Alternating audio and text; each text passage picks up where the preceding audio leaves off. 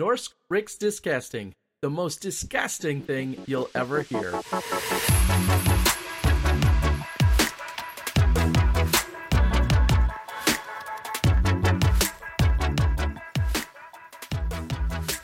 Velkommen til Norsk Riksdiskasting! Vi teller episode 12, og som lova er vi tilbake eh, litt kjappere enn ved forrige episode. Hurra! Sin forrige episode. Dere skjønner hva jeg mente. Ja. Eh, jeg heter som vanlig Leiv, og du heter som vanlig, Sigrid. og du har det bra.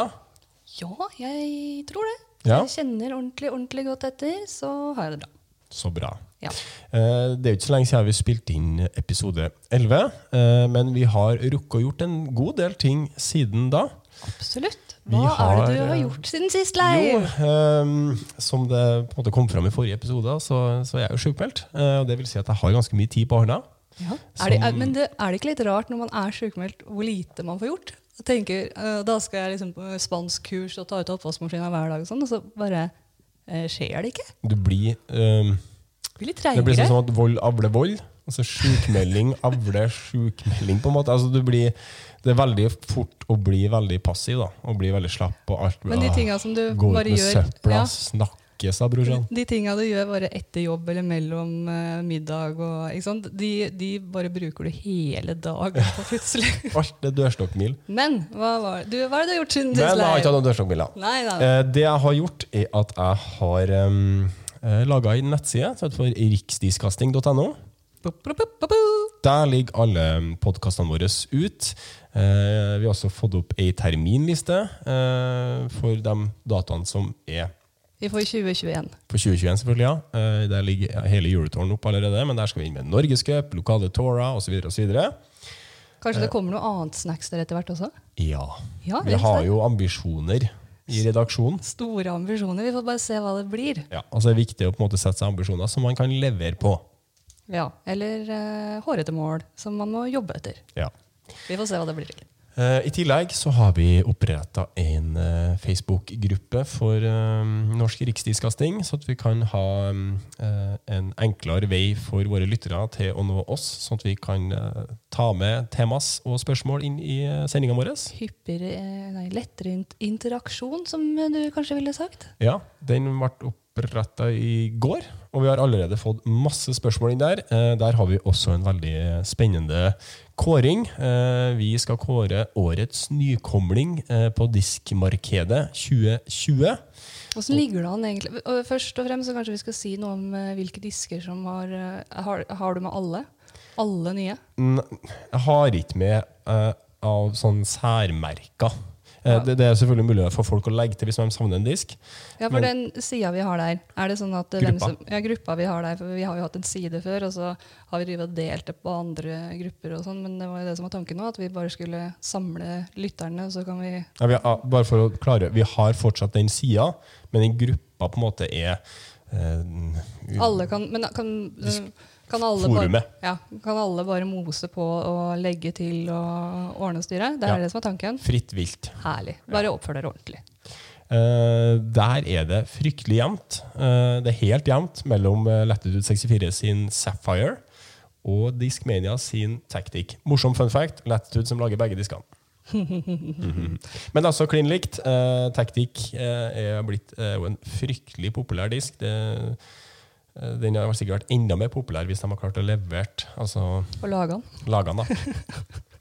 Eh, ellers er det jo Discraft er jo der, med Hades, Essence fra Discmania, Sergeant fra Ja, Dynamic jeg tror jeg avbryter læret. Så kan jeg si at FX2. man eh, kan gå inn på Ja. gruppa, og finner du det ikke, så har vi Jeg har delt det, kanskje. og Det ligger på siden. Ja, og litt sånn forskjellig. Du søker. Den heter da eh, veldig eh, kreativt nok Norsk riksdiskusjon. Man blir også litt sånn tørr av å sitte hjemme og være sykemeldt. Ja, vi brukte lengre tid på å finne navnet på den gruppa enn hva det tok å lage den nettsida. Ja, og humra godt for oss sjøl. Men velkommen inn der, alle sammen. Kjør på. Og det har vært litt diskusjoner, vi kan ta det litt seinere. Men øhm, ja, Skal vi bare komme i gang? la oss komme i gang. Hei Heio! Vi hadde i forrige sending en ganske stor nyhet. Ja. Eh, Eurotur. Eurotur, ja. Eurotur, og ikke minst samarbeid. Vi, vi snakka jo ganske mye om det her med å eh, er du, du har sånne eh, store, fine ord på alt mulig.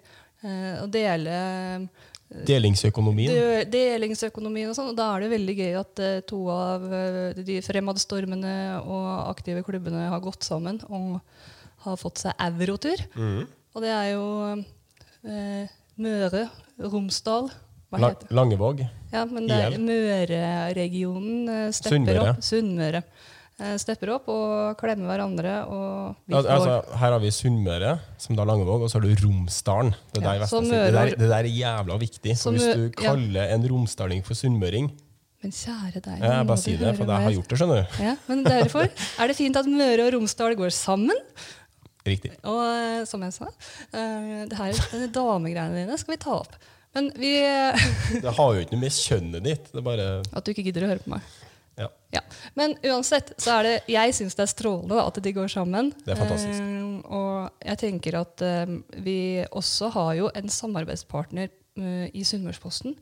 Sjølveste Kroksleiven. Ja. Og han er jo medarrangør. Kanskje vi skal bare ringe han og høre eh, litt eh, bakgrunn, eh, tanker, eh, hvordan det står til, og ikke minst hvordan han kom på å gjøre dette her. I tillegg så har de en ganske stor nyhet. Har du, har du, har du noen Ja, vi kan få høre med den. Vi kan høre oss med ringe Vi ringer. Vi vet at han, han er jo også arrangør av Pargolf-NM, så han er på vei til Gårdal nå. Vi får håpe han har dekning. Ja. Han pleier jo å ha litt dårlig lyd. Hallo. Hei, Jostein! Hei, God dag. God dag. Du er på veien?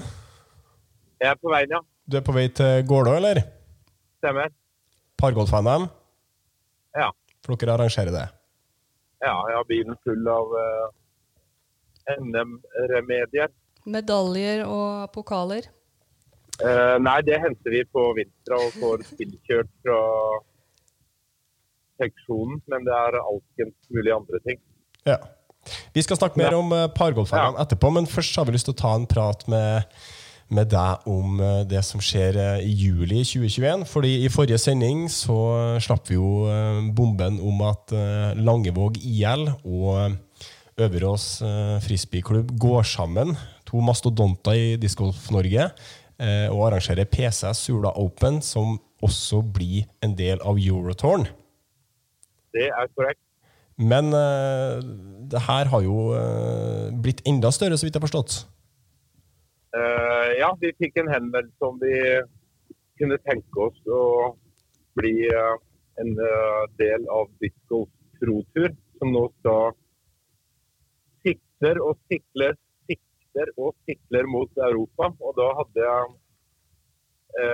så vidt jeg forstått det, da hadde det blitt pekt på eh, vår felles turnering som en eh, god start for en Disco Pro-tur for første gang utenfor USA. Nå burde jeg egentlig trykke på den applausknappen, men jeg skal la være.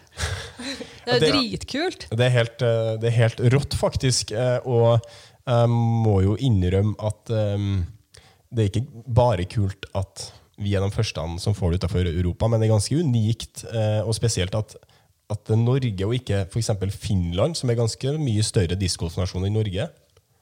Jeg har tenkt tanken, jeg òg. Og jeg var helt sikker på at en eller annen gang så skal både VM og diskosproter og hva det nå er, til og med EM, til Europa. Men eh, eh, jeg hadde også tenkt sett på meg f.eks. han Jussi da, og han eh, Han hadde jo noe som het Disco World, World Tour.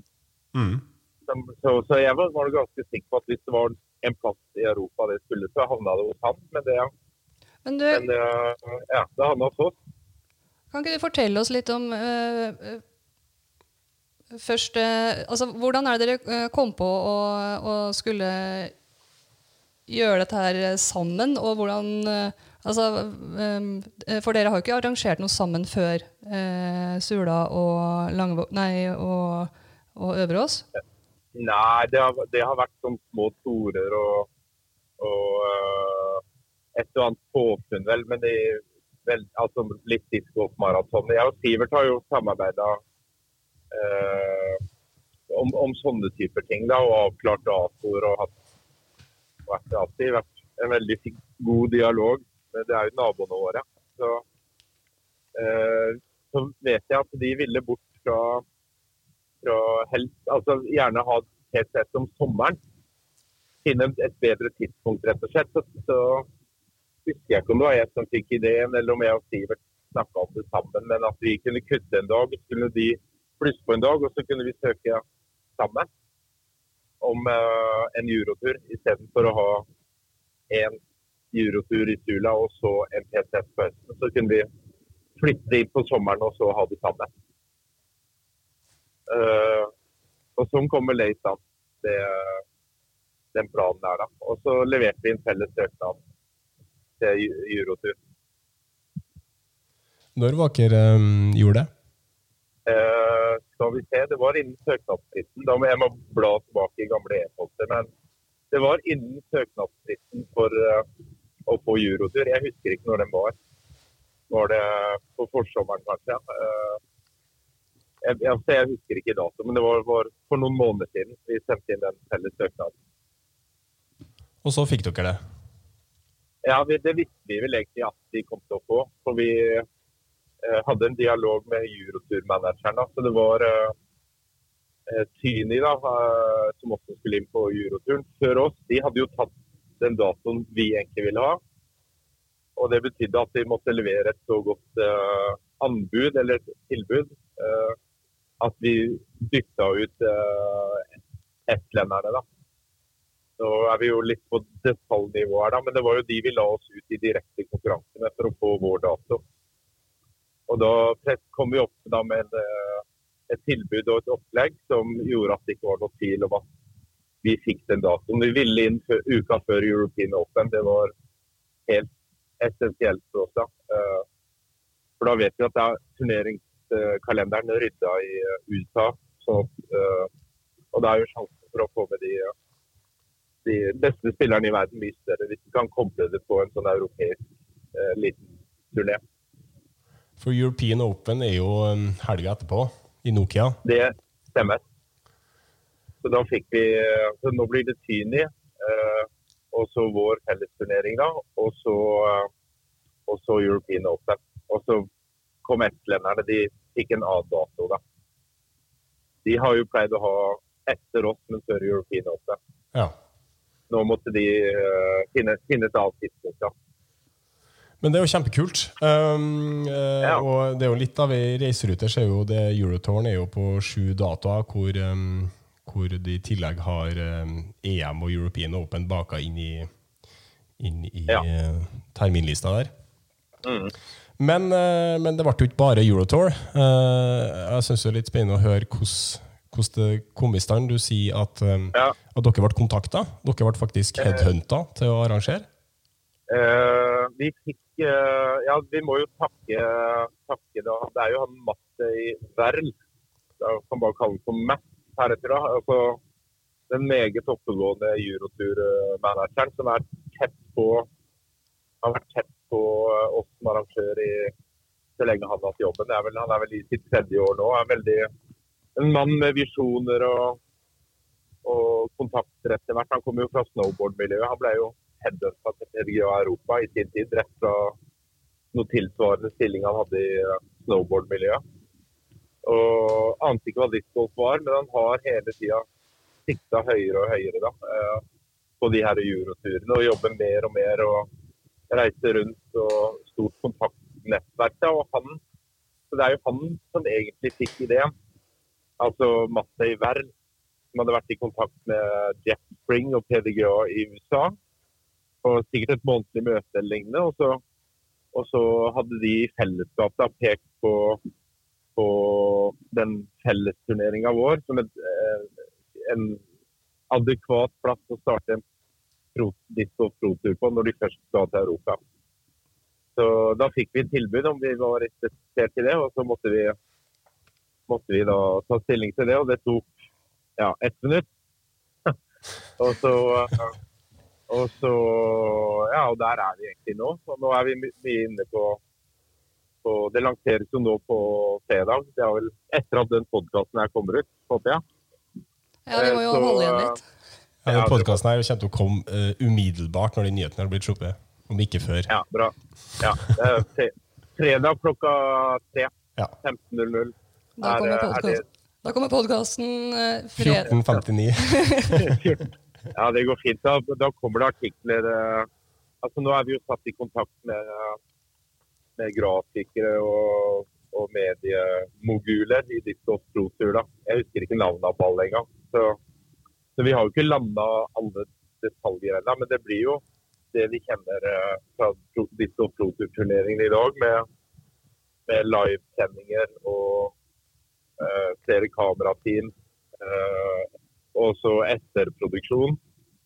Uh, der er allerede gjort en avtale med jeg tror det er Joa Fito. Og da er vi Ja, det er vel han uh, Tyni-sjefen, Natural Born Disc-golfer uh, Juho. Ja. Ja, ja. Og de har jo eh, fått eh, de, den avtalen for alle juroturene med eh, produksjon der. Og så tror jeg vi også står fritt, mer eller mindre, til å, finne på ting sjøl. Men akkurat de detaljene der har vi ikke ennå. Da. Så da blir det to, to dager på, på, i Langvåg først, på Sula. Og så flytter vi sirkuset over til Øverås og avslutter da med det som vi har forventninger til skal bli den, eh, kanskje den største discgolf-festen noensinne. Ja, det, det her er jo helt rått for norsk discgolf og europeisk discgolf at vi faktisk får um, en, eh, en uh, pro tour til Europa. Og det er jo ikke Jeg mener at det allerede i um, høst slash, altså i høsten 2019, våren 2020, så var det snakk om å, at man ønska en pro tour til Europa. Men han Jeff Spring sa at ja, vi vet ikke helt når det blir, det er kanskje litt tidlig ennå. Og så plutselig, bam, er det liksom uh, Ja. PCS Sula Open som får det. Ja, det var uh, Vi setter uh, det? Vi verdsetter den eh, tilliten, må vi kunne si. Og jeg, og jeg tror, eh, tror vi skal klare det. Det er veldig mange ressurspersoner i de forskjellige klubbene. Uh, ja, Vi vet jo hva de får til der inne. Og så har vi hatt en litt annen stil da, på vårt arrangement. Og nå og sammen så har jeg veldig tro på at det skal løfte altså turneringsopplevelsen da, for spillere og publikum uh, osv. til et nytt, uh, nytt nivå.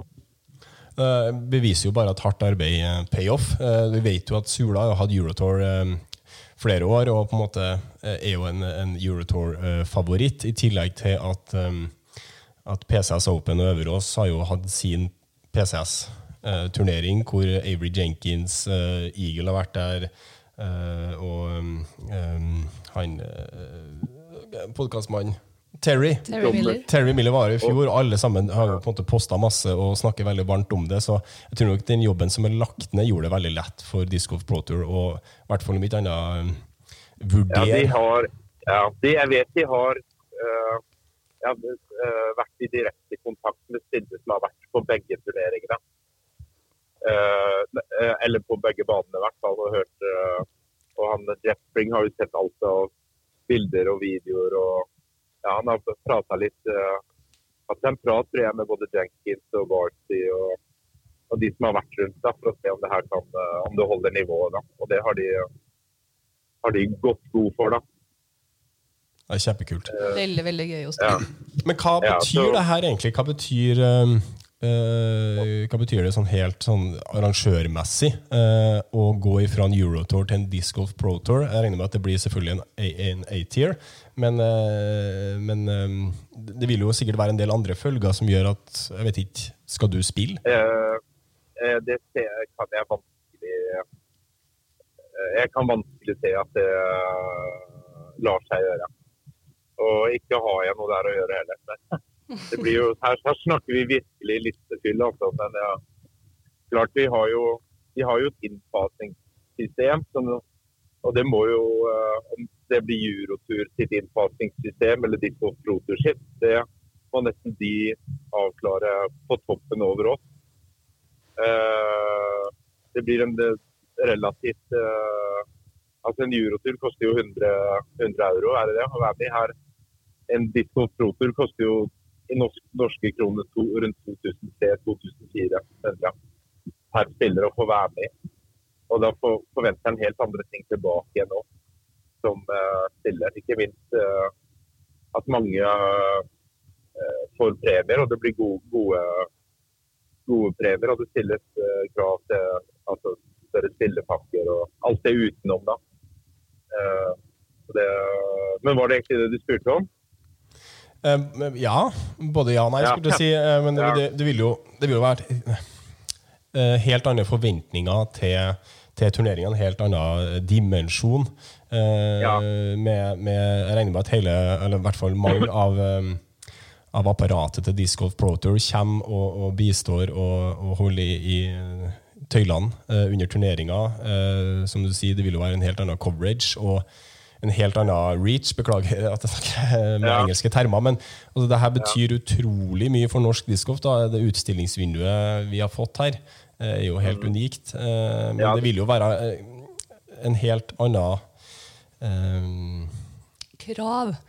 greie enn ja. en Eurotour og Norgescup. Det å faktisk arrangere en Disc Golf Pro Tour med henhold til banene.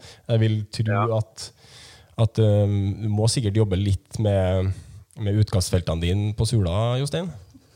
Det, vi har vel en Ja, det er ikke mange. Et par stykker vi må vi må øh, forbedre. Ja, det, det, det, det er blitt en veldig flott bane på Sula. Uh, men Så vi er nok allerede på Nå har jo vi, var jo vi fra ja, Jeg og Sivert og, og et par fire-fem mann til var jo spilte to eller diskoprotur i USA nå i vår, da pandemien kom. Og vi ser jo at som banemessig og uh, altså vanskelighetsgrad på banene og banestell og, og arrangørmessig og alt det der, så er de allerede på det nivået, mener, mener, mener vi sjøl. Men eh, sånn som jeg kjenner deg, Jostein, så jeg tenker jo at det, når du først får den muligheten her, så har du jo lyst til å eh, dra frem kassa og vise dem at eh, du kan enda bedre. Er det, kan vi forvente eh, enda mer eh, Ja, det blir nå er ikke det bare opp til meg. Men i fellesskap så, så er jeg ikke redd for at vi ikke skal få det til. Nei. Jeg tror jeg vil si det på den måten. Med, og, med de ressurspersonene som er i, i de respektive klubbene, og som har forskjellige Altså Det blir jo et, litt, det blir jo et sirkus her. Det er jo ingen tvil om det. Og vi har jo en sirkushest som holdes litt i tøylene inne, inne på, på Øverås òg. Den største, største av alle. Sirkusoksen. Eh, dere, har, dere, har, jo litt sirkushester begge klubbene, vil jeg egentlig tørre å påstå. Så det kan jo bli ja. veldig gøy. Ja da. Og, ja, men, og så, har vi, så, har vi, også de to nøkkelpersonene for oss. blir jo de to uh, si, ja, uh, håndverkerne vi har i, de, i der klubb, Sivert og Øyvind, som må trekke De må hele tida sørge for å trekke ting ned tror jeg, på et uh, et uh, gjennomførbart nivå når det kommer opp ideer. Eh, når du ja. sier det, uh, kommer uh, representanter fra Disc Golf Pro Tour i forveien for å se på banene og godkjenne osv., og, og eller, eller, eller, er det dere som bestemmer layouts? I, sånn som det er med Eurotur, så skal bane, banedesignet da, med bilder og alle tiskilt og sendes inn tre måneder før turnering til godkjenning i eh, PVGA. Så det blir, jeg regner med det blir noe samme i år, at vi må ha ferdig må ha den layouten vi ønsker å spille på, klar ca. tre måneder før turneringa. Ja. Det er sånn som det har vært på, i Eurotur de siste åra. Det er for å fjerne eventuelt alle eh, merkelige lokale regler eller eh, ja. Og det, altså, så det, Da skal det inn og godkjennes av eh, Andrew Big Dog, heter han vel, som er regelsjef i PDGA.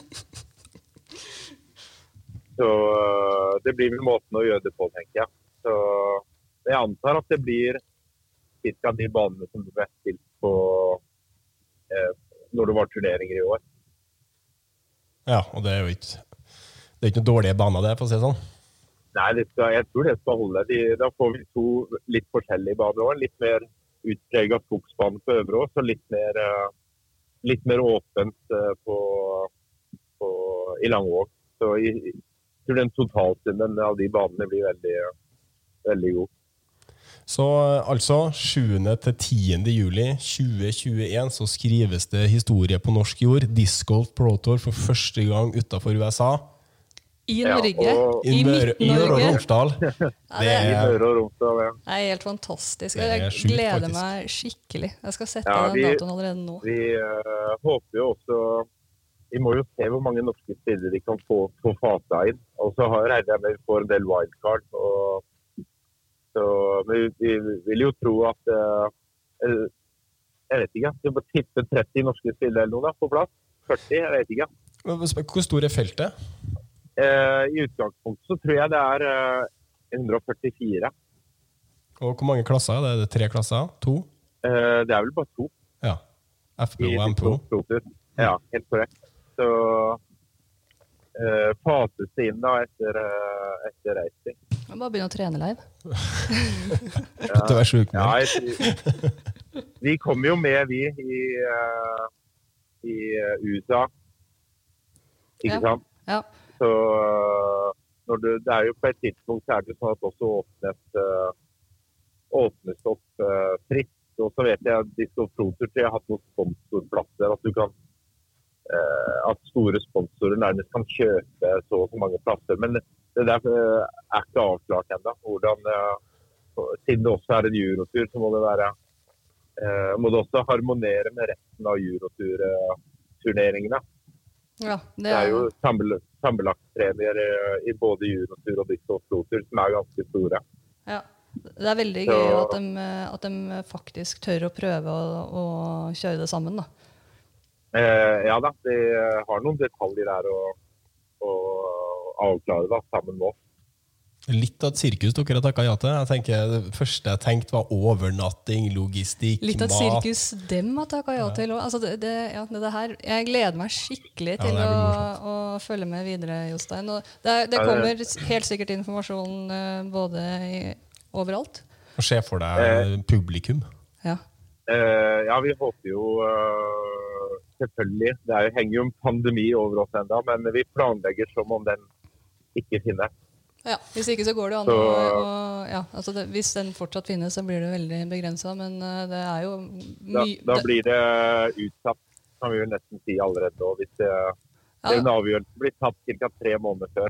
ja, og Hvis det er det fortsatt er eh, restriksjoner. Det er ikke noe vits i å ha en diskostrotur uten, uten eh, Nei, men bare nordmenn. Det sier seg jo Nei, selv. nei. Men eh, vi har jo kommet langt i tiltak mot eh, pandemi allerede, så jeg regner med at, eh, Ja, da.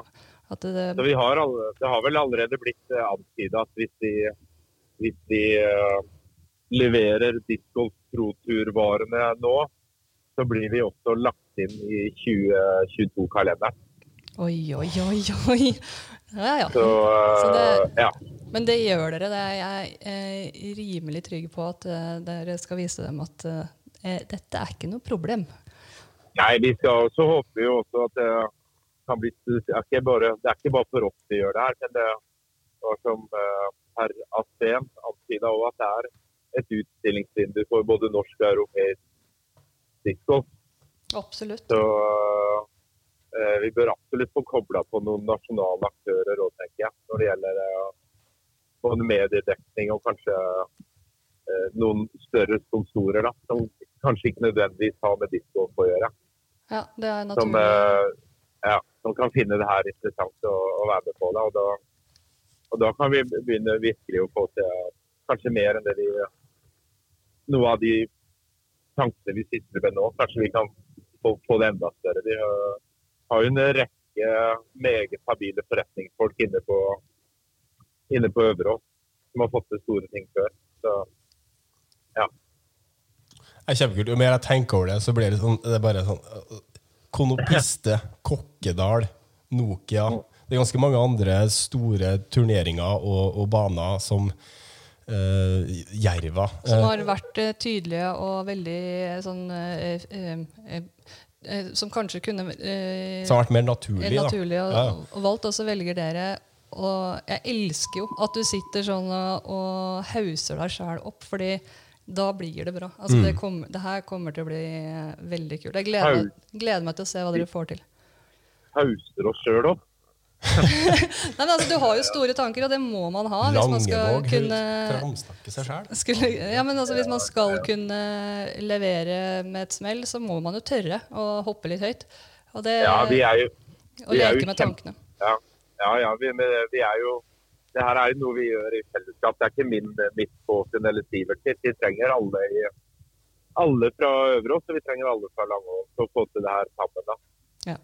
Eh, Det er jo ingen tvil om det. Så har vi også lyst til å kanskje appellere til først de nærmeste klubbene først. da. Vi har jo krav på et visst antall frivillige per turnering. og Da har vi jo, er vi oppe i tall som vi ikke har vært borti før. eh, Noen eh, arrangører i Norge. Så vi har jo Ja, så det er jo også en bit vi må, må helt sikkert ha en egen, egen mann bare på de frivillige Eller dame. Ja, ja. Eller dame. Ja, og det er jo eh, veldig my mye folk som har, om ikke arrangert noe så voldsomt og stort, men eh, i hvert fall har ganske mye erfaring med å, å veldig mye god kompetanse i Norge der fra før. Ja. Så det, altså det er, vi håper også å kunne trekke inn eh, e- ekstern hjelp på punktrådet, og også det å kanskje få være med på tett være med å følge turneringa på tett hold mot å gjøre en jobb som, som spotter en dag f.eks., eller noen timer, eller Ja, det er jo det- veldig mye læring i å bare henge rundt på noe sånt nå, tenker jeg. For Ja. eh, mange, mange. ja, Det er bra, Så vet jeg jo de Hva sa du? Jeg, sa, jeg skulle til å si at det, det er utrolig bra for arrangørkompetansen i Norge også å få et så stort arrangement hit. Uh, ja, det tror jeg også det kan bli eh, lært mye av i ettertid. Men du, Jostein, ja. gratulerer så masse, masse, masse lykke til. Men vi skal til litt mer lokale forhold eh, før vi skal arrangere Disc Golf Pro Tour. Eh, Til helga så er det intet mindre enn et NM som skal arrangeres i, i henholdsvis pargolf. Det er dit du er på tur nå. Det er til Gålå. Tilbake Ja. til der det var for to år siden. Ja. Hvor mange ganger er det dere har arrangert pargolf-NM på Gålå eh, Langevåg? Det eh, husker jeg ikke i farta. Kanskje det er fjerde gangen. eller noe sånt. Så vi tok jo opp en tradisjon. Ja, For det var Eh, Lillehammer som hadde det før dere, ikke sant? Ja, vi må nok eh, tilbake til uh, Sunne Wenzel og Terje Rensvold, som jeg lurer på fikk ideen for aller første gang. Ja. Og så, når de eh, ga seg på det, så tok eh, var det Ragnhild Gryt og Eli Storengen, var det det? Ja. Ja. Det er Som Lillehammer. tok over, da. Lillehammer, ja. Og Ja. så tok, om de, de hadde ett eller to år, husker jeg ikke. Og så forsvant det ut. sånn at det var ingen søknader på Pargolf-NM i det var 2016. Ja. Så, og, eller 2015. Jeg, akkurat det jeg husker ikke i farta. da. Men så tok vi opp tråden igjen og kontakta Lillehammer og de på Gårde om det fortsatt var aktuelt. Og, og sånn og sånn. Og så fikk vi blåst liv i noe vi i hvert fall vi syns er veldig veldig kjekt og, og uvanlig. Og i litt god gammel eh, Alle baner er blitt så fine nå, alt er så profesjonelt. Så her er vi tilbake igjen til 20 år tilbake i tid nesten. Med litt, eh, litt kvister og kubæsj og Ja. ja, vi prøver, vi pleier jo å dra Det er derfor vi drar så tidlig. Vi prøver jo å få vekk eh, Det er ikke så gærent, men eh, ikke sant, vi må få vekk det verste. Men sant, utkastfelt holder jo ikke dagen. Det er jo hardpakka sand. Det er sandkassene, ikke sant? Eh, ja da, vi, vi, har, eh, var, og, vi var der for seks uker siden, dugnadsgjeng, da, og lagde til banen og klippet og stelte. og Jeg hadde to arbeidsdager der oppe i slutten av august. Så nå skal vi bare tilbake. Så mesteparten av jobben gjorde vi da.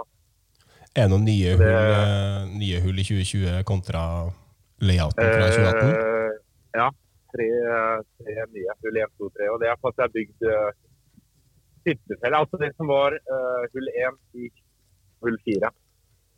Så det, de som, hulla som forsvinner, er jo nummer 5, 6, 7 på banen. Nei, nummer 3, 4, 5 på banen fra 2018. Der er det bygd hytter nå. Ja. Så da, så nå har vi kommet, kommet av, eh, av det kafébygget. Der starter banen. Så da Ja.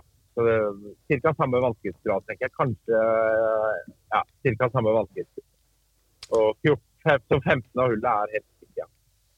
Men det blir spennende. Og det er jo meldt Ja ganske spennende vær. Jeg skal jo sjøl eh, Til fjells? til fjells. Jeg skal spille med Lars, zombie. Eh, Og så sjekka jeg værmeldinga.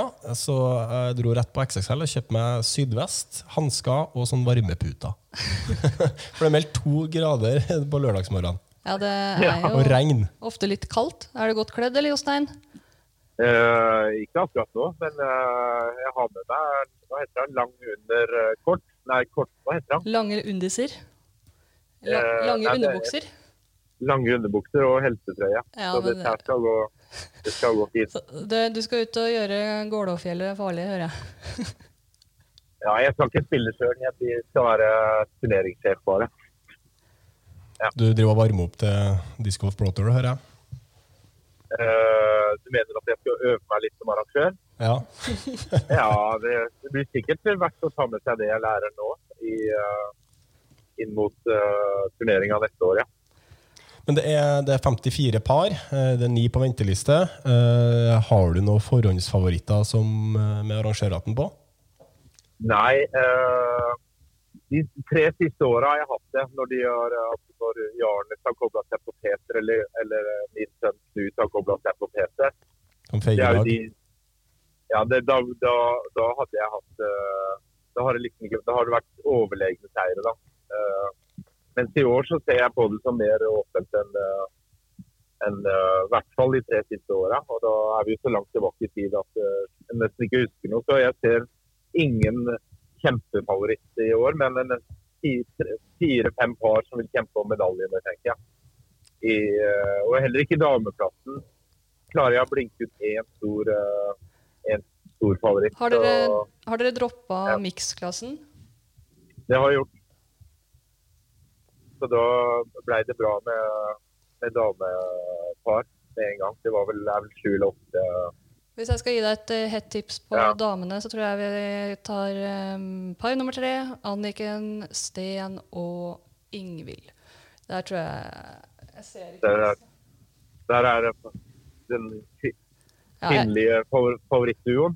Ja, jeg tror jeg, jeg eh, ville satt hesten min på det paret sånn kjapt. Jeg ser det i litt liten Det er jo tre litt sterke par i, i, i damene. Det er Anniken Steen og Ingvild. Og så har du Linn Marita og Lydia. Ja, det også kan være noe. Og så har du Eirin Brun og Katarina Staalesen. Alle, alle herrene her um, uh, hvert fall, Ja, kan hende Ja, jeg sitter og tenker litt på hva slags type bane går det her. og Man trenger jo litt uh, arm på den banen her. Det er jo Det var akkurat det. en del uh, drøye hull. Drøye, mange parterhull som er drøye. Ja, så det er derfor jeg tenkte Så, på Både Anniken og Ingvild er jo uh, ganske eh, sterke damer. Ja, Så, absolutt. um, Men Eirin Ja. har en giftig forehand, og med uh, Katarina sin giftige backhand, så tror jeg det ja, kan, det bli, kan jeg bli tror det kan bli en artig Og fight der. Lydie også er jo Ja. en gammel ringrev, kan jeg skrive under på. Og Linn Marita Mm. har jo vært med og Vært stabil yppa seg. ja. Så ja, det blir spennende Ja. dette her, altså, Jostein. Kult at det er så mye jevne par. Um, Ja, jeg tror det. Det blir gøy. Skal vi la ja. Jostein få kjøre videre? Ja, du må vel skynde deg til fjells for å gjøre klart. Eh, Det starter på lørdag. Det er to runder på lørdag, og så én runde på søndag. Det er best shot, alternate og er det worst eller tough shot? Jeg vet ikke hva uttrykket er. Begge skal i hvert fall kaste hver gang, og så bestemmer de andre fra gruppa hvor de skal kaste. Men skal begge putte. Én skal putte, så da heter det noe annet. Enten er det touchshot eller så er det workshot. shot. Jeg husker ikke. Ja, men så lenge hvis det er putta ut, så er du i mål. Begge trenger ikke å putte. Nei, det betyr en holy one f.eks. i den runden der. vil være, Da vil man ta kast. Ja. Da vil man ta kast. Da vil man ta kast. Jeg gleder meg til neste Ja. episode, så skal vi prate litt om hvem som faktisk eh, eh, dro det her i mål. Og så får du ha lykke til på fjellet. Kjør pent. Takk for det. Og så snakkes vi om ProTour seinere. Takk for Det praten. er eh, mottatt. Takk for praten. Ha det! Adjø. Adjø. Og da skal vi over til en eh, skal vi si, halvfast spalte, eh, nemlig Discgolf Norge Rundt. Og vår eh, eh, vi Faste si, sjåfør. faste sjåfør eh, er da Sigrid. Og Sigrid, hvor, eh, hvor har vi kommet igjen nå? Nå har vi altså dratt fra Anniken eh, i episode forrige gang vi snakka om uh, discgolf Norge Rundt. Da var vi i Innlandet. Da var vi i Innlandet og eh, reiser ned fra Hamar i vår lille bil. Åssen farge har bilen vår i ditt hode? Frisebilen. Ja. Den er jo rød. Ja, den er rød. Det var fargen vår. Yay. Den er litt riktig. Og da skal vi nedover mot Østlandet, Østlandssendingen. Og da kommer vi eh, Jeg har eh, skrevet på eh, sidene på Facebook at, og sagt eh, i sending at vi eh, kommer ikke til å stoppe på noen av banene som vi ikke får tips om. Så da var vi ferdige. da var vi ferdige med det. Det var Østlandet. Men siden vi ikke fikk så mye tips, så gikk jeg inn på Judisk. Og jeg har jo også spilt litt eh, på Østlandet sjøl. Eh, og jeg har eh, eh, kjeppjaga noen eh, eh, hva, hva er det det heter for noe? Kilder. Eh, så jeg har sjekka litt. Informanter. Informanter. Men vi kjører nedover mot Gardermoen, vår hovedflyplass. Og der er det Da kom jeg til Nannestad. Og det um, Jeg kan jo også legge til at jeg tok en telefon til Camilla Nordhei. Fordi eh, hun sitter jo i golfkomiteen for Østlandet. Og hun hadde litt forskjellig å fortelle meg. Og hun første hun nevnte, var Nannestad. Det var litt gøy, for det var dit vi kom.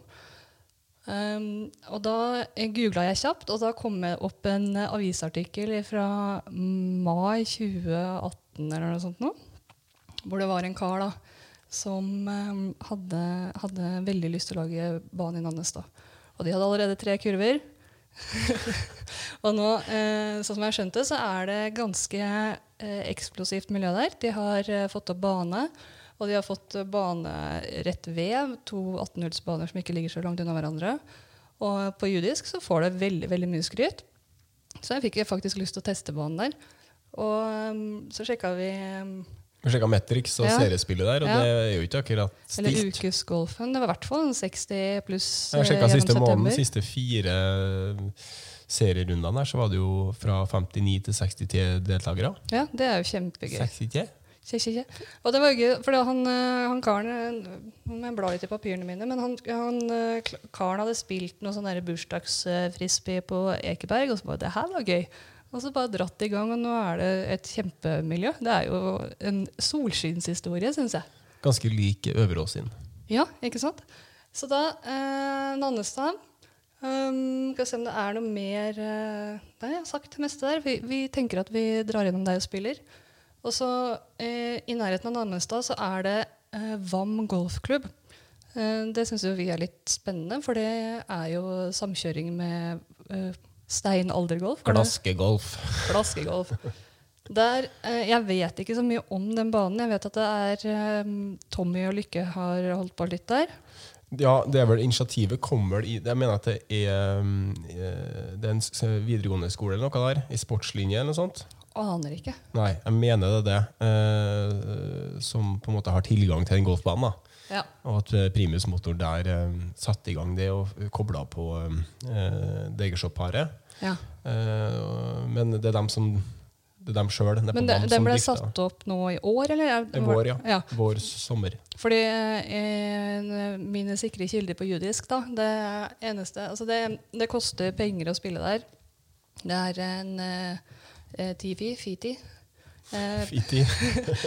på 120 kroner per runde eh, på en golfbane.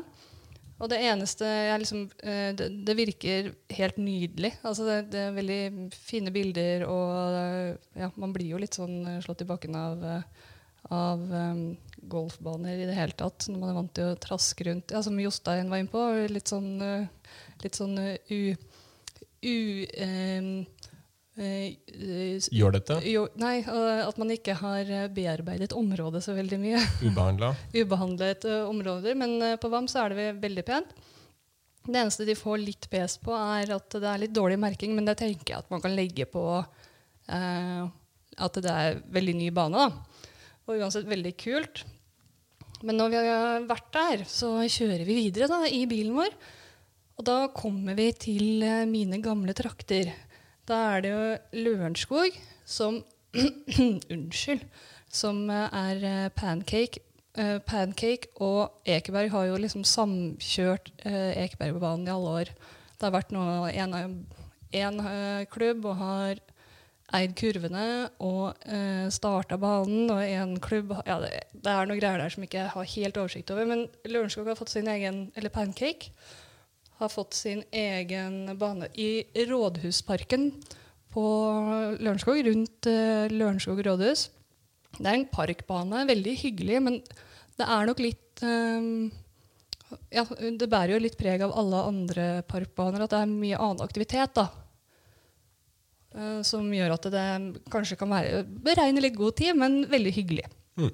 Mm -hmm. Og så er det en sånn småbane. Camilla snakka om at hun, uh, det er en ny bane på, i Myrdammen, Rælingen.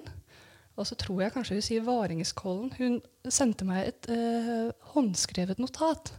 som hun skrev sånn på vei inn i et møte.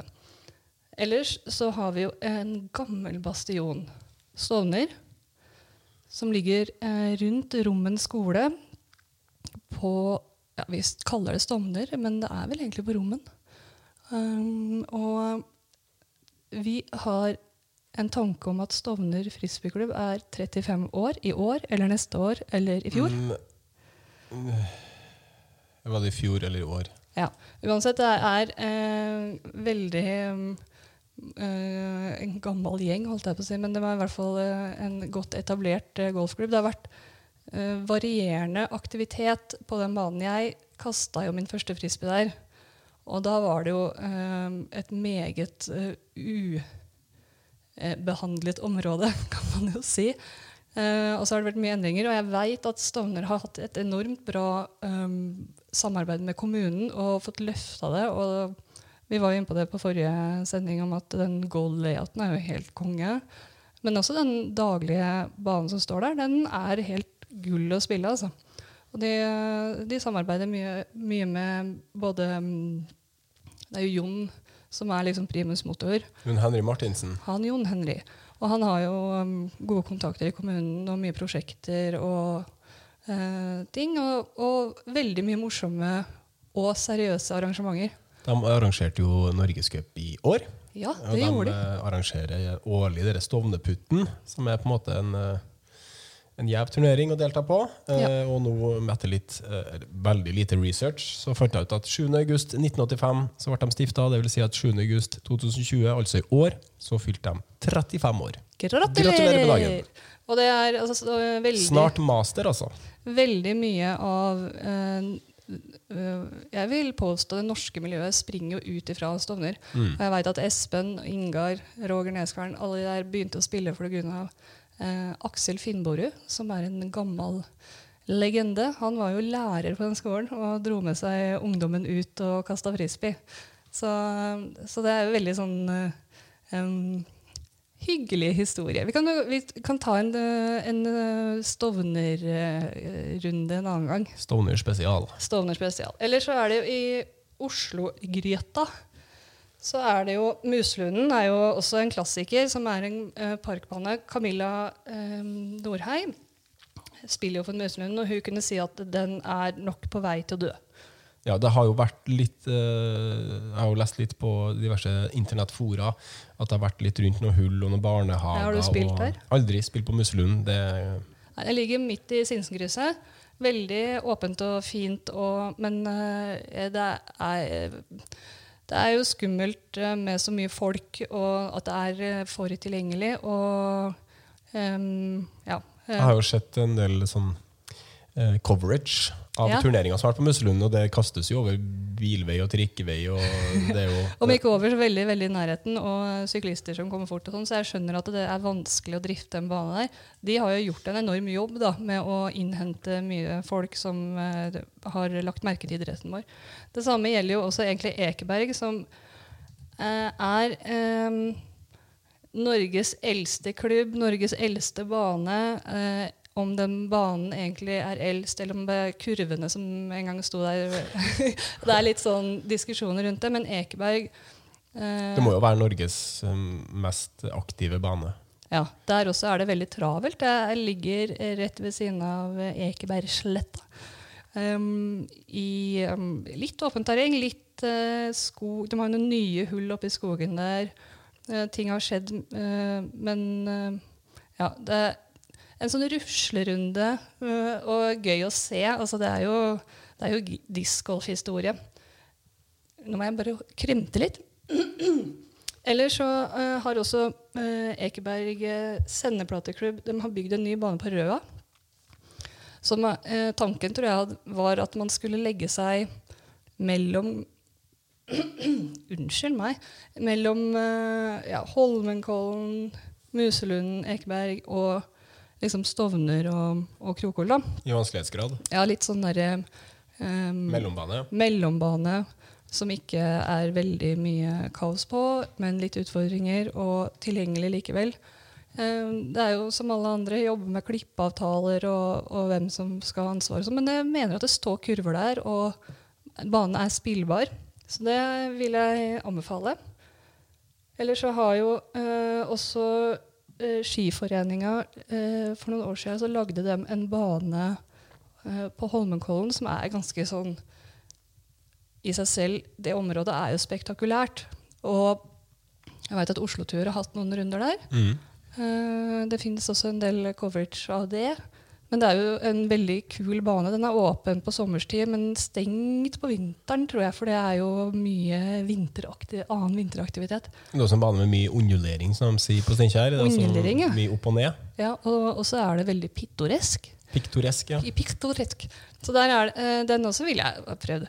Eh, sist jeg var i Oslo nå, så eh, fikk jeg høre at banen til Bærum den er nedlagt og, og kassert. Men de har fått opp en bane på eh, Kalvøya. Har du hørt om Kalvøyafestivalen? Selvfølgelig. Jeg skulle til å si det. Ja. Kalvøya har jeg hørt om. Ja, og der, eh, der er det jo helt eh, dritfint. Altså sånn, det er jo ikke noe sånn der, eh, knallhard konkurransebane, men eh, sånn morsomme, hyggelige hull. da. Så i Oslo så er det på en måte en sånn eh, Hvis du bare har lyst til å kose deg med frisbee, så var det veldig mye eh, forskjellig som, eh, som eh, er virkelig verdt å, å sjekke ut, altså. Jeg lurer på, er det, er det bare 11 kurver der? Jeg ser på Ja. yrkesgolfen så går det 1 til 11, og så fortsetter de på 1 til 9. Ja, elleve kurver, ja. Så var det jo Det er jo på en måte Ja, her står det 11, ja. hva skal jeg si, eh, innspillsbane stort sett, men men litt sånn gøy, og litt sånn familier som går der. Og, og jeg, det var jo litt sånn skummelt. Jeg tenker jo 'å, guri', men, um, men folk ser ut som de tar hensyn, og jo sånn lave skuldre og sånn, så det var veldig sånn koselig, koselig runde å gå, da. ja. Og det er jo veldig, som du sa, fint på Kalvøya. Så Ja, ikke sant? dit Så- må, vi, dit må vi kaste. Dit må vi kaste. Uh, og så har jo Vi kan jo ikke være på Østlandet uten å nevne Krokål. Uh, hvis vi bare tar bilen og så kjører vi nedover til mot Ski, og så parkerer vi utafor uh, kafeen, og så går vi inn på hull 1. Og så mm, kan jeg fortelle deg at eh, her var det eh, Før i tiden så var det altså Krokol discgolfbane er laget på en backnine golfbane som eh, ble eh, i sin tid bygd litt sånn forut for sin tid. En skogsballgolfsløyfe. Og det eh, en, Vi har jo skjønt nå at eh, ballgolfbaner, det krever jo litt. Det krever sin mann å holde det ved like, ja. Ja, altså jeg tror det ble litt eh, voldsomt for dem, og i nedadgående popularitet i idretten så klarte vel ikke dem å holde det. Og så kom en viss herr zombie med følge og fant ut at hm, her kunne det kanskje vært gøy. Så de, de har jo gjort enorm jobb der. Det er ikke noe tvil om det. Selv om de hadde måte et utgangspunkt som var litt behandla fra før, så, så har de nok eh, stått på knallhardt for å få til det som står nå. Da. Nå eh, Jeg syns det er gøy, for det, det ser ut som det har vært discgolfbane der i 200 år. Det passer, liksom. Men det utgangspunktet de hadde, er jo en- enhver discgolfdesigners drøm. Da. Ja, ja, ja. Snuble borti en nedlagt back nine golfbane. Med eta på et etablert område med liksom Toalett, kiosk, parkering, hele pakka. Så, så om du er i Oslo-området og ikke vært på Krokol, så jeg, jeg husker at når jeg hørte snakk om det, så man blir jo litt sånn Ja ja, hvor bra kan det være, liksom? For han har vært veldig flink på markedsføringa. Ja, men samtidig så har det vært sånn at folk, folk får liksom si hva de vil. Um, og det har jo fått mye skryt, fordi det er jo liksom spektakulært i, i hvert fall norsk sammenheng. da. Men, eh, men um, jeg husker liksom de fem gang, første gangene som bare Det er jo dritbra, liksom. Og den, det som er så deilig med Krokol, er at det er plass til å golfe, men den krever veldig mye. Ofte så er det uh, de, um, de utfordringene vi har, er liksom ja, her er det kjempetrangt, eller her er det en umulig mando, eller Mens der er det eh, virkelig bredt nok til å kaste, men du bommer likevel. så, det, så den utfordrer. Og det, og det er jo litt gøy med Oslo-områdene, at du, du har liksom alt fra eh, rusletur med kidsa til eh, en ganske heavy konkurransebane veldig nære. da. Eh, og det syns jeg er kult. Ellers så um, har vi bedt om lytterspørsmål. Og du, du har eh, hevet frem et lytterspørsmål som eh, kan, vi kan eh, ta med i denne runden her, tenker jeg. Eh, det, Ja, for det er jo Discgolf Norge rundt relatert, og da spesielt når vi er på Østlandet. ja. Og da har en Joakim Holstad sendt inn følgende spørsmål. Tines første PDGA-arrangerte tur i Østfold går av stabelen i disse dager, og Østfold er i stor vekst med solide klubber, baner og spillere på vei opp og frem. Anbefaler varmt Marius Hammer Flagestad, som da også er TD for Tårn og leder i Nedre Glomma Diskport, som gjest i podkasten om dette får plass på menyen. Det og må der få plass til, fordi- har vi Joakim Pore. Det er veldig morsomt, fordi Camilla sa jo hun bodde i Halden eh, frem til for noen år siden. Og da sa at det, hun nevnte det uten at jeg sa det her, at eh, dere må snakke med noen i Østfold, for det, der har det skjedd veldig mye. Da jeg bodde der, så var Ekeberg den nærmeste banen, og nå popper det opp. Så vi, eh, jeg tror faktisk at vi rett og slett ringer til Marius. jeg. Let's do it. Håper han er hjemme, da. Marius eh, Har ikke han nettopp blitt far? Jo, vi får høre. Hallo. Hallo, Marius. Det Hallo, er Marius. eh, Hei. Norsk Riksdiskasting som ringer deg fra eh, Super Live Studio. Så hyggelig. God dag, god dag. God dag, god dag. Er alt vel? Alt er veldig vel. Det... Ja, livet går bra om dagen. Så bra. Vi, Du, hvordan er status Ja. på deg nå? Har du, har du pappaperm, eller? eh? Nei, jeg er i full jobb, jeg. Det... Men jeg er jo så heldig å ha en sånn tredelt turnusjobb, så av og til så har jeg fri på formiddagen. Ja. er du alltid like fornøyd med å ha en tredelt turnusjobb? Eh, I det offisielle svaret der er ja. Eh, vi har akkurat eh, kjørt fristbilen vår nedover forbi Krokol. Og så snakka jeg med, Ja. med Camilla eh, i forkant av sendingen, og hun sa til meg at hun, hun bodde i Halden eh, frem til noen eh, år siden, og da var det veldig stille. Og, men hun sa at det er der eh, Østfold skjer det ting. Og så har vi fått inn et uh, lytterspørsmål om at du uh, kan ha god oversikt over uh, baner og aktivitet i denne re regionen. Du, det, stemmer det? Det, det er vel ikke så langt fra sannheten. det. Var jo, jeg flytta ned hit i 2015. Da, da, var det helt, da var det ingenting her. Men jeg gjorde jo litt research før jeg flytta ned, og det eneste jeg fant da, var det at Camilla og Christian hadde et lite miljø i Halden der. da. Sånn, sånn, at de satte opp en portabel bane i en park i Halden en gang i uka. Ja, Så, stemmer det. ja, Så det var så, ja, det var det eneste som eksisterte når jeg flytta nedover. Ja, og da fortell litt om eh, hva du tenkte da. Nei, da tenkte jeg at jeg måtte gjøre noe. Da. For eh, jeg, var jo, jeg kom jo flyttende fra Kristiansund og var blitt skikkelig hekta på første godt der.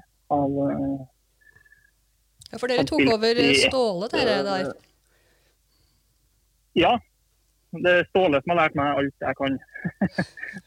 Ståle Stai Hakstad, altså. Ståle Stai Hakstad, ja. Ja. Så, nei, men da måtte vi jo finne på noe da, når jeg kom nedover hit. Så da oppdaga ved en tilfeldighet at uh, Sarpsborg kommune hadde uh, satt opp en bane her. Uh, som ikke var blitt publisert noen plass. Uh, og da tenkte jeg at OK, da er vi i gang. Og så gjorde jeg enda litt mer research og fant ut at det har eksistert en bane i Fredrikstad en gang på en privat grunn. Og da kom jeg i kontakt med Pål Nyman. Så sammen har jeg og han da prøvd å bygge opp miljøet, i hvert fall her i Nedre Glomma-regionen, i Sarpsborg og Fredrikstad. Så, han har jo jobba i mange år med mat på Fredrikstad kommune med å bygge bane. og I 2018 fikk vi endelig til en bane i Fredrikstad.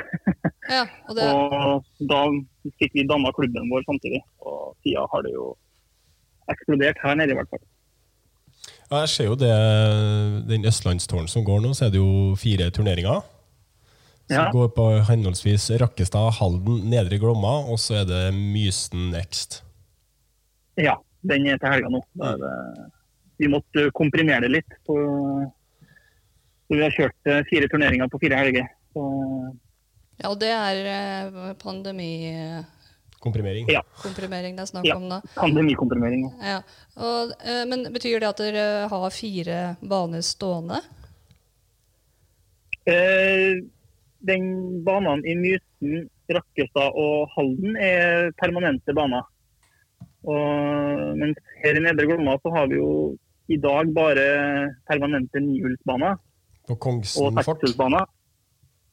Hva sa du? Ja, på Komsen fort.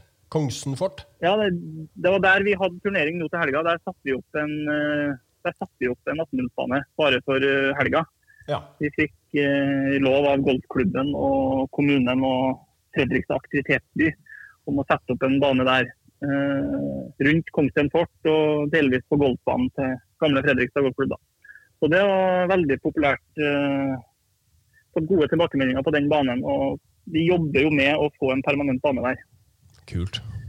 Så, og så, samtidig så jobber jo vi òg med det dere snakka om i forrige episode, med pay to play. Eh, det er jo flere og flere nedi her òg som har lyst til å spille frisbeegolf for, for å bli god, ikke bare for å ha det som en hobby. Og da er vi i samtale med Onsøy golfbane om å få, få til noe der. Og det er ikke jeg så godt inne i golfmiljøet, men etter det jeg har hørt, så er det en av Norges beste og fri, fineste og vanskeligste golfbaner. da. Oi, oi, oi. Oi, oi, oi. Der, ja, det er, Men er det, er, det, er det den golfbanen som dere samarbeider med nå, eller er det en annen?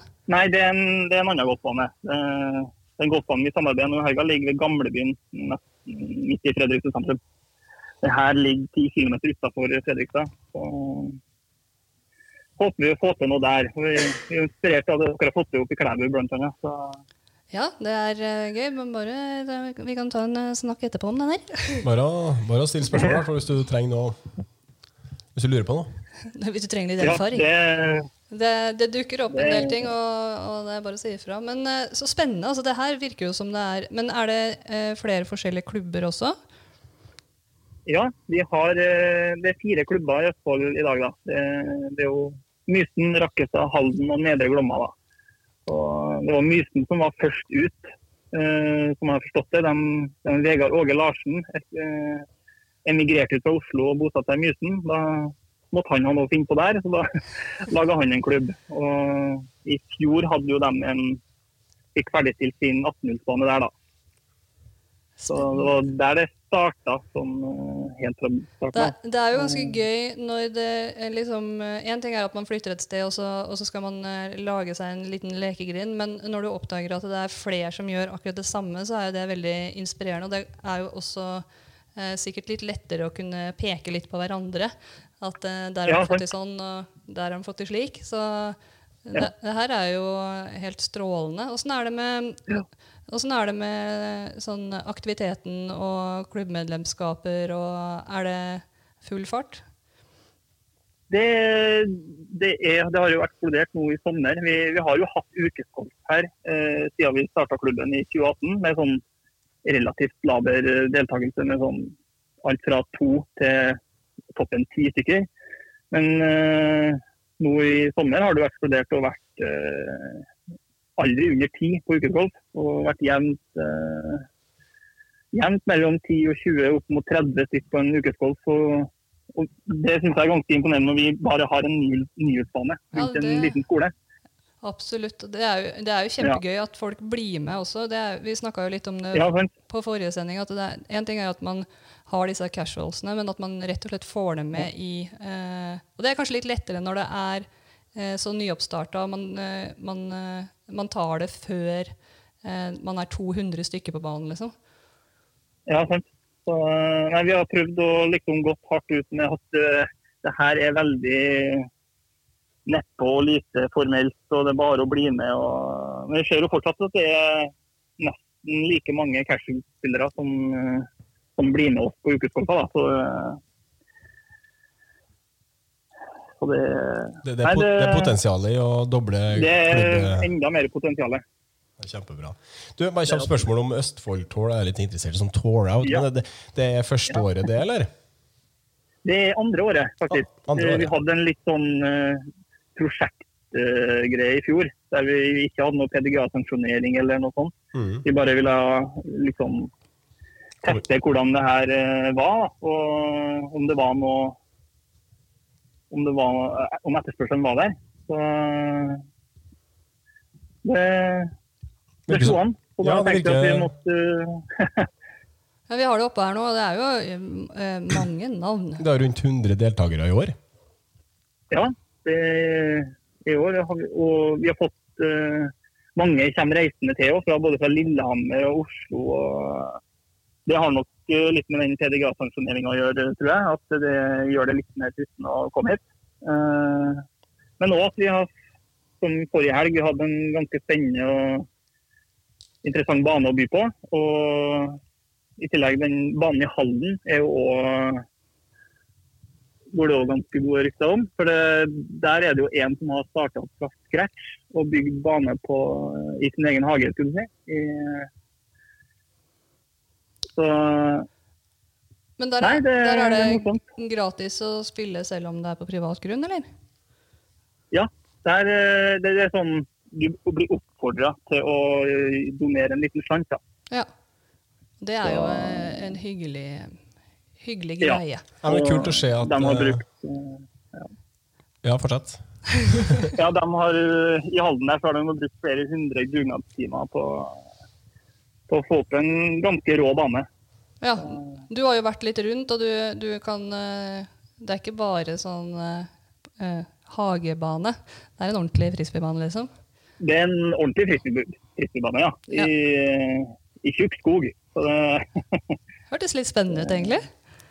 ja, Ja, Ja, vi skal kjøre ta der med frisbilen vår. ja vi, vi er ja det, det må vi si.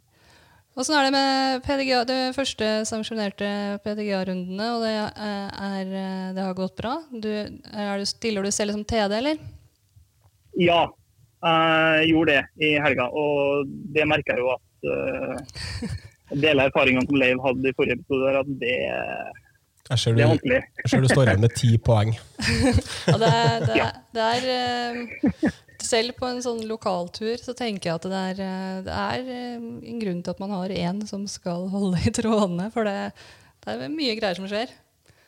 Ja, det er mye å styre med. Så det er mye mer enn hva man jeg trodde først òg. Jeg fikk, den, eh, fikk en ordentlig sånn tung følelse da jeg holdt på med NM, om at jeg har ikke satt nok pris på arrangører på de, eh, de turneringene jeg har spilt på. For det, det, når det flyter, Det så går det så greit. Eh, mens eh, Ja. man får det i trynet hva som egentlig ligger bak. Så jeg er veldig imponert over alle som arrangerer alt mulig på alle nivåer. ja. En annen ting jeg ser Og her i på hvert fall dem som presterer i stillinga i tillegg. Ja, det, Det- syns jeg er helt kjenner umenneskelig. jo det at eh, man rekker ikke å varme opp, man rekker ikke å få inn noe pusting på forhånd. og det, ja. Nei, det, Nei, Der er det noen som hilser på. Hyggelig. Ja, en liten juniorspiller. Ja, det- ja, det, hun, hun ble PDGA-medlem eh, på sin dag én. Så det, hun, eh, her ligger forholdene til rette. Tidlig krøkes. det gjør det. Ja. Men det er kult å se, da, Østfold Tour. Jeg ser at det er veldig mange av deltakerne som er med på eh, alt. Det er kult. At man ikke Ja, er med bare er i sin kult. lokale bane, at man er ute og reiser og sånne ting. Så det beviser jo bare at miljøet gryr, og at vi kan vente oss eh, store ting fra Østfold Tour og Østfold-spillere i tida framover. Ja, det er kjempegøy. Kjempegøy. Ja. Ja, du får ta også være litt eh, pappa, og så, Ja, jeg skal prøve på det. og så får du ha lykke til til helga. Blir eh, spennende. Takk. Og så Ja, takk for at du tok deg tid eh, til å du, prate med oss. hyggelig. Hyggelig å prate med deg. I like måte. Ha det! Ha det bra. Ha det bra.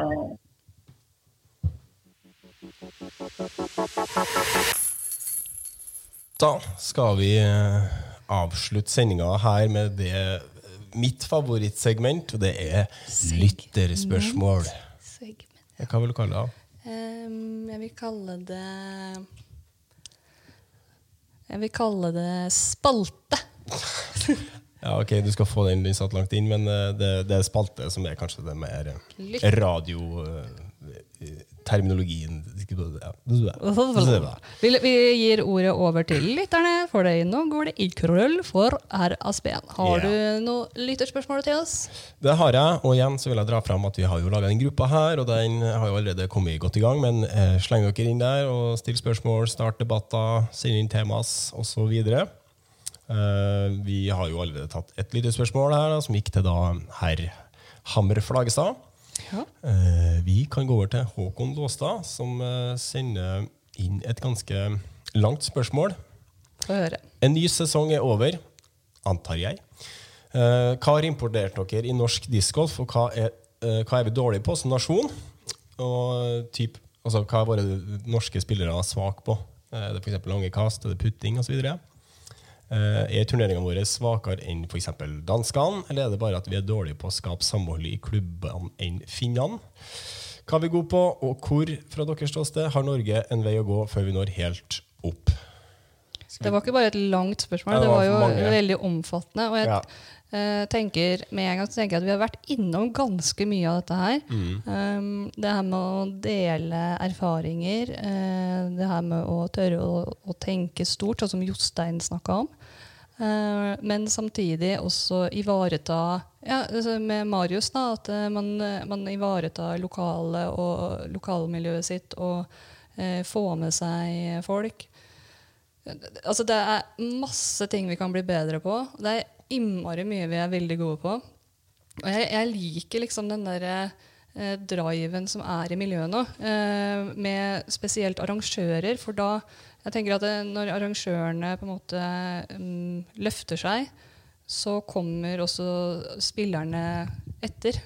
Altså det blir litt sånn at Hvis man alltid skal være sånn low-key og alt skal bare være Dugnad. dugnad og kos, så, så blir jo forventningene deretter òg. Men jeg ser jo, du ser jo ja, Vi snakka om Langevåg sist, gutta som spiller så bra. Uh, de skal nå ha uh, pro-tur. Det, det er liksom ja, eh, Jeg syns eh, Jeg velger å fokusere på det som skjer, framfor å Altså, jeg, vi er jo en relativt ung eh, sport i Norge, men det har skjedd utrolig mye de siste årene. Siste året. ja. eh, med, med, med klubbvekst, medlemsvekst, ikke minst. Fryktelig mye nye baner. eh, nye baner som utfordrer oss på ting som nye også, ting. ja, vi, vi har hatt en god del eh, korte skogsbaner eh, over lang tid, men nå kommer det opp mastodonter som, eh, som Krokol, som Øveråsbanen, ikke sant? Eh, som ruster oss bedre for europeiske og internasjonale turneringer og baner. Eh, spillere slår ifra seg. Vi har jo en gjeng som var til USA i, i vår eh, og hevda seg høyt. Eh, så det eh, eh, ja, Jeg har ikke noe å utsi på spillerne. Det var at Man må kanskje mer ut og spille. Hvis jeg skulle sette fingeren på noe, så skulle jeg ønske at flere var ute og reiste.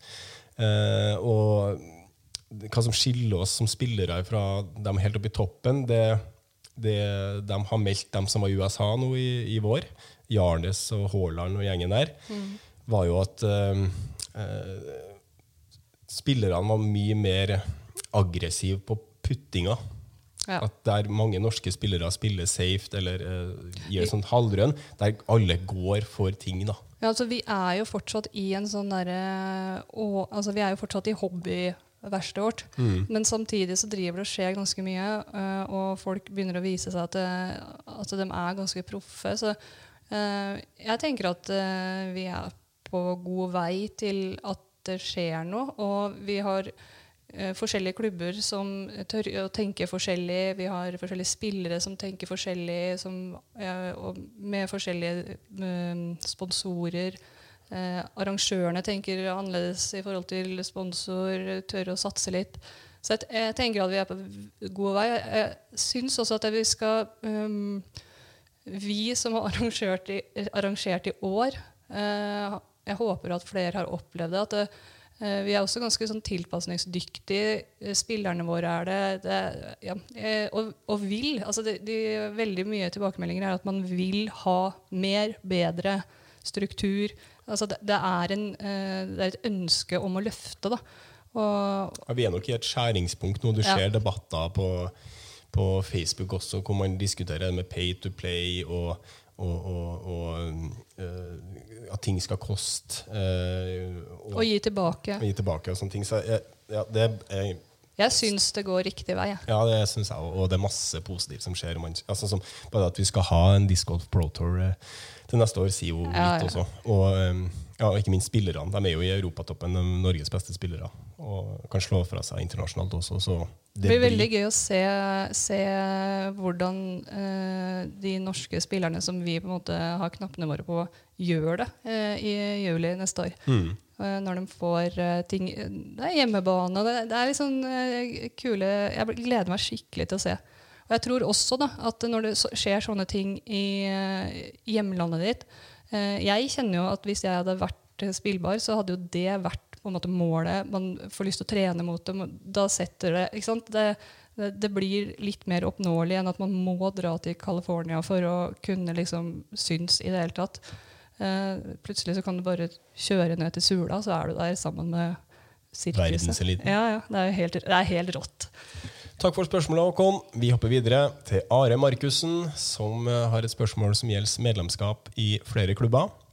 Er det greit innenfor samme gren med noe til idrettstelling og eventuelt støtte fra stat og forbund basert på medlemstall, at man da er medlem i flere klubber?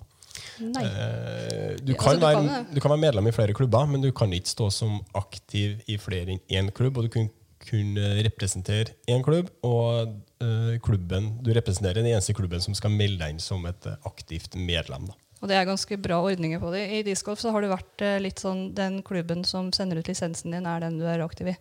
Og det eh, har det vært ganske tydelig på. Men eh, jeg kan jo være medlem i alle klubbene jeg vil. Betale medlemskapet mitt og til og med ha stemmerett på årsmøtet. Kan jeg ikke det? Men eh, aktivt medlem, sånn telle eh, idrettsregistreringstelling, er det det heter? Ja. Der kan jeg bare bare ja. nå gjør han det igjen. Eh, men eh, altså, Man blir bare telt én gang, og da må du være tydelig på hvilken klubb du på en måte tilhører. Og den klubben skal du også eh, da representere hvis du spiller en turnering. Takk, Are. Vi hopper videre til Anders Haugen, som lurer på hvordan drømmehullet vårt ser ut. Eh, Det kan være et som finnes, eller det kan være et fantasihull. For eksempel, eh, han er tydeligvis orientert over Trondheim, så han sier utkastfelt fra Tyholtårnet. Da må du regne rotasjon når du skal kaste, osv. Har du et eh, drømmehull, eh, Sigrid? Det er sol. Det er sol. Ja. Alltid sol. Det er alltid sol på mitt drømmehull. Ja. Um, og så står kurven litt sånn Ikke helt sånn idiotisk, men litt utfordringer rundt kurven. Er det par tre eller par fire? Um, jeg tror faktisk det er par fire. Og så er det bjørkeskog som det suser litt sånn forsiktig vind i. Uh, grønt gress. Um, ikke noe Tyholttårn. Jeg jeg vil være i et område hvor det liksom er spillbart. Eh, kanskje litt lite vann, litt sildring, et ekorn som løper over. Stakkars eh, greenkeeperen på det hullet her, som hver gang du kommer, så må han ordne sol og dyr. Ja, ja, ja. Og så er det sånn ordentlig klippet gress. eh, ja. Vet du hva, jeg tenker at um, det, så, Vi har jo fått en del spørsmål om sånn topp ti bane, topp tre hull. Kanskje vi først skulle laget noe sånn drømme... Drømmeliste Altså sånn Vi kan det, Hva, hva med deg? Hva ditt, eh, ditt drømmehull, Leiv? Mitt drømmehull er, det er ganske enkelt, for det eksisterer. Oh! Det ligger i Sverige. Og det Oi. ligger i Skellefteå. Og det er hull én der. Nå har de forskjellige sløyfer. Svart eh, Hull én, det er par hundre? par seks. Ja. Det som ligger attmed klubbhuset der. det er veldig nært mitt eh, drømmehull. Ja, Hva er det du liker så godt med det? Elsker bjørketrær. Ja, ikke sant? Ja. Der er vi enige. Eh, og så liker jeg at man, at man har eh, Man må kaste i ei linje, at det ikke er helt åpent, men at man har eh, ei linje man må treffe. Eh, og så har man trær på begge sidene. Mm. Eh, jeg digger Sverige, da. Hvis du skjønner. altså den eh, Så mye billig godteri der. Ja. Nei da. Eh, og at det svinger fram og tilbake, og så midt inni der så har du, må du velge høyre- eller venstresida i den fairwayen, og så ligger kørga så piktoresk til Jeg inni skulle der. sett fjesene hans, sånn, hadde tårer i øya her. Det eneste jeg kunne tenkt meg gjort, altså eh, Fjerna myggen. fjerna myggen, og så kanskje jeg hadde flytta teapaden litt mer til venstre. Jeg synes det, Ja. det første kastet den Litt er for litt skarp, liksom. litt for skarp, ja. For da hadde du virkelig eh, invitert virkelig til å prøve skikkelig ja. å komme til, ned der, ja. Så kunne jeg lagt en liten sånn pytt på den Ja. andre sweet spoten der. En liten vanndam der med sånn uh, smørgåsblomster. Ja, det heter jo ikke Sånne smørgåsblomster. vannliljer. Ja, Vannlilje heter Ja. det. Ja. Og så et lite ekorn. Nei, frosk. Rabbit. Det er mitt drømmehull. Ærlig. Men som du sier, Sigrid, så har vi fått inn fryktelig mye spørsmål om topp ti baner, topp tre oversette disker osv. Um, vi skal lage noen sånne ting, men vi har litt sånn aversjon mot å, å kåre verdens beste disk eller verdens beste bane og sånne ting. Jeg ser ikke helt uh, grunnen til at vi skal gjøre det. Men det jeg kunne tenkt meg at du har gjort, at du har laga en sånn der, um, drømmefront nine, eh, skogsbane f.eks., og så plukker vi hull én. Ja, er det, er det på Ekeberg? Ja, hull én på Ekeberg, det er fint. Og så hull to, nei, da skal vi til Dragvoll. Ja, ja Det det, kunne vi ha gjort. ja. Det hadde vært veldig gøy. Men da må vi Altså, det fins så mye Skal vi ta skogsbane først, da? Ja, altså er det ikke lov til å bruke én bane mer enn én gang. Hvis du skjønner. Du kan Nei. ikke bruke Nei, nei. sam, uh, samme bane to ganger. Men få noen argumenter på, på gruppa, da, for det, med bilder. Eh, Vi, det må, Det er en utfordring til lytterne. Bruk gruppa vår, legg ut bilder fra skogsbaner fra ti. Og Ja. Da er det altså eh, hull 1 til 9 da, på den respektive banen dere eh. men kan, kan, jeg kan ikke bruke hull eh, 16 på Dragvoll på Nei, jeg vil at vi skal bruke hullnummeret. Dette har du tenkt på. Dette har jeg tenkt på. Ha Ok, så jeg, jeg kan Og så er- switcher vi back nine, åpne hull. Altså, men hvis du har da en, eh, en eh, skogsbane med et dritfett hull 16, så får ikke det være med, da? Nei. Jo. Kan plukke sånn hull du vil, men vi, vi tar bare ni hull på vår skogsbane. Ja, greit, da. Ja. Nå fikk jeg en sur Ja, men det ble, fjes. når vi skal lage den, den artikkelen, for eksempel, så Ja, hull 2 er da hull 16. På, Ja. det, det blir jo Ja, greit. Anarki. Anarki og kaos. Skal vi ta Vi- noen flere, Vi tar, eh, vi tar et spørsmål til. Ja. Det er fra Rolf Dale. Og han uh, har et lengre innlegg på gruppa vår om det her med antall NCA. Han mener at fem NCA kanskje er litt lite. Uh, at uh, noen velger å ikke spille alle rundene fordi at det kanskje er avgjort allerede etter bare tre NCA hvis en vinner alle tre. Og da Selvfølgelig så legger ikke skjul på at han syns det er veldig gøy og har lyst til å spille mest mulig sjæl. Eh, jeg har også gjort, eh, som jeg klønete uh, la fram på sist sending, det har jeg justert nå, da. Så tallene faktisk stemmer. Men det er jo ikke så veldig mange som spiller mer enn to runder i NC. Eh, I år så var det kun 9% i open-feltet som spilte tre eller flere. Du kan jo lese opp hva Rolf var sånn kjapt hva han begynner med. At eh, ehm, om, det, om det er aktuelt med, med flere NC-er, er det liksom som er greia? Ja, Flere runder. jeg vil ha flere runder i Norgescupen. Jeg merka jo med en gang jeg leste det Har en sånn rusk i halsen. Eh, med en gang jeg leste det, så bare Nei, nei, altså, eh, vi har mer enn nok med altså, Jeg gikk rett inn i en sånn modus. Sånn derre eh, Sånn har vi alltid gjort det-modus. Det skal alltid være gratis. Ja, og alt skal være gratis, og er arrangører og Men så bare, når jeg så diskusjonen, så er det jo veldig mye eh, pluss og minus. Og det er jo reelt eh, det her med eh, at det kanskje ikke er sånn Vi snakka om det sist, at det, det kanskje ikke er sånn veldig stor stas å vinne Norgescupen, for det første. Og for det andre at det, ofte er avgjort.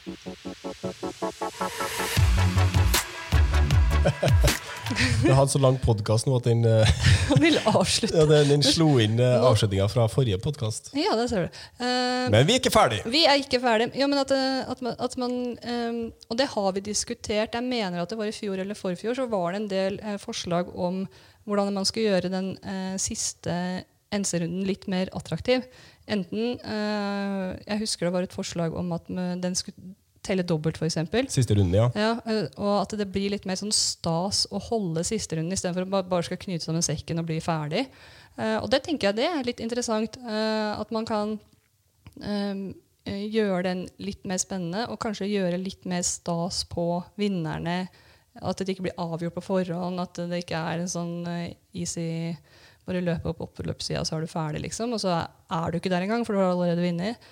Eller også tenker jeg sånn eh, Hvis du har flere norgescuprunder, så da blir du mer tilgjengelig for flere òg, da. Eh, men samtidig så har vi også snakka om at det her med norgescup skal være det skal være liksom top notch. Det skal være eliten. det skal være, Og da plutselig så blir det ja, Jeg er nok litt sånn gammeldags samtidig som jeg mener at det eh, burde jo gjøres tiltak. Så jeg bare sender den ballen rett tilbake til golfkomiteen, og så håper jeg at eh, seksjonen og golfkomiteen kan fikse dette her for oss.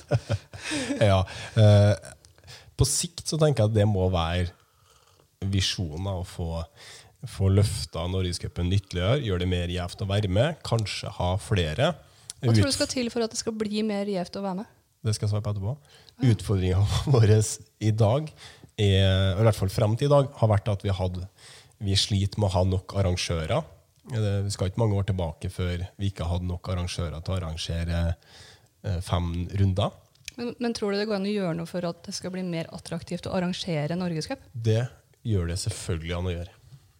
Ja, for det, det er jo altså, hvis, det, hvis det hadde vært en sånn Men én ting er at du skal gjøre det attraktivt for arrangørene, men du skal, må også gjøre det attraktivt for eh, spillerne. fordi at eh, det er en ganske tettpakka sesong. Eh, med, hvis, du, hvis du er en aktiv spiller som satser litt og har lyst til å delta på en Eurotours og sånne ting, så, så blir det vanskelig å delta på, eh, på alle norgescuper. I hvert fall hvis det blir flere.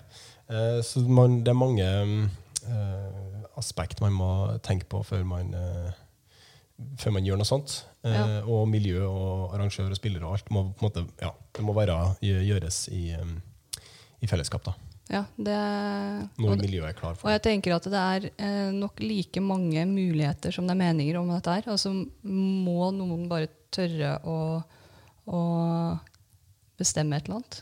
I tillegg så har du jo, nå popper det opp, eh, sånn som vi har vært inne på sendinga her, med, med eh, regionale tårer, eh, som også eh, har blitt ganske bra, eh, sånn innholdsmessig, og er ganske ettertrakta og etterspurt.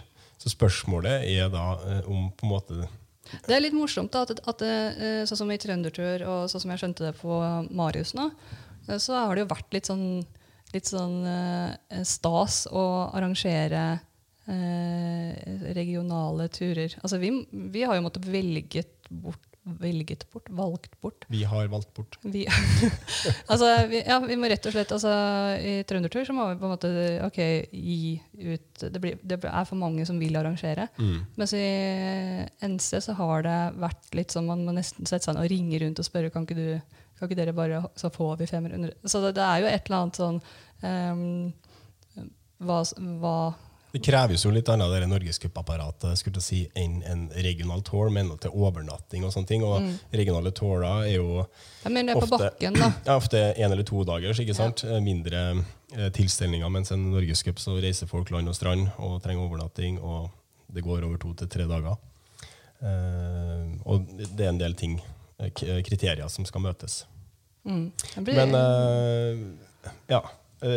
Vi har jo ikke uh, Svaret Jeg mener jo at, eh, mener jo at eh, forbund og seksjon, og selvfølgelig klubber og alt mulig som eier NC, har et ansvar for å gjøre det så attraktivt som overhodet mulig. Eh, selvfølgelig for vinnere, men også for deltakere, for arrangører. For, altså det er ikke bare det at man skal vinne, men, men det at, at Norgescupen blir litt sånn verdenscupen på ski. Liksom. Det der er, det er du hypp på å være med på. Uh, og det er jo, du kan jo dra det, ja, Pro Tour, da. Det er jo et enormt apparat, men jo, folk uh, gjør jo hva som helst. Altså, du vil jo ha det. Uh, så det å få liksom det sirkuset til å bli et morsomt sirkus, og ikke bare sånn derre uh, mm, Jeg tror Bør bare skyte inn og ødelegge alt du holder på å si. Mm. Jeg tror veien å gå er først å heve nivået på Norgescupene før man eventuelt legger til flere runder. Ja, ja jeg, jeg er faktisk enig. Mm. Også, hvordan er det man hever det? Det eh, er mange måter å gjøre det på. Det var jo også en del eh, snakk om liksom det å, å gjøre det mer attraktivt og eh, plasseringene nedover. Men så er det også altså, Spiller vi frisbee for å tjene penger, eller spiller vi frisbee fordi vi syns det er kult? Eh, jeg veit ikke om det er så mange som går etter pengene, men eh, samtidig, hvis man skal løfte og folk skal kunne ta seg fri fra jobb, da, om de ikke lever av dette her, så må man jo uansett ta seg fri fra jobb, og da, da er det jo greit å kunne få inn litt. Um, det har også vært snakk om en uh, hovedsponsor av Norgescupen som ville ha, altså, ville ha hjulpet på payout, rett og slett. Man kan jo se på Disc Golf Pro Tour-organiseringa. Der har Mm. man jo en turneringsdirektør som har ansvaret for alle turneringene Mm. med lokale TD-er. da. Eh, så reiser da et sånt apparat rundt til de forskjellige med mediedekning Ja, ja, og det pakke. kriterier og målestokk og alt mulig. Hovedsponsor og alt sånne ting. Ja. Eh, så det, jeg kan jo røpe at uh, Disc er jo godt i gang og, og, og kikker på akkurat sånne her ting eh, for neste år og årene framover. Jeg gleder meg til å se hva, hva Discgolf-komiteen eh, får til. Og jeg håper da, at de tør, eller dere tør å, å være litt sånn som Jostein. Liksom eh, sikte litt høyt, og så heller bomme på, med pila noen ganger. Og så, ja. Istedenfor å, å dempe seg selv før det egentlig har prøvd. Skal vi si det sånn? Skal vi si det sånn? Der, eh, der Rolf, håpa du fikk et svar på spørsmålet ditt. Men Skal vi, eh, skal vi eh, Skal vi sette linje der, og så skal vi trekke en vinner? Vi la oss trekke en vinner, for da, nå har Leiv altså fra forrige gang så har han faktisk pakket allerede premiene. og De blir eh, sluppet eh, på det lokale postkontoret i Klæbu i dag, har han lovt meg. Så vi får håpe at det stemmer. Og nå trekker vi Vi har en sånn eh, nummer tre. number generator. Det var da Are Markussen med, som hadde spørsmålet om medlemstall og eh, om du kan være medlem i flere klubber. Så Are Markussen, gratulerer. Du har vunnet en forundringspakke fra Norsk Riksdiskasting. Send inn eh, adressen din på PM til oss på Pagen. På Pagen Pagen. på Facebook. Så skal du få eh, noe discgolf-relatert stæsj i postkassa di. Herlig. Ellers, da uh, tror jeg vi bare sier at uh, det holder for i dag. Så får du ha lykke til uh, på fjellet. Takk for det. Eh, vi er tilbake om ikke alt så for lenge. Vi skal ha en oppsummering av uh, Pargolf-NM, blant annet. Ja. Si en ukes tid eller noe sånt. nå.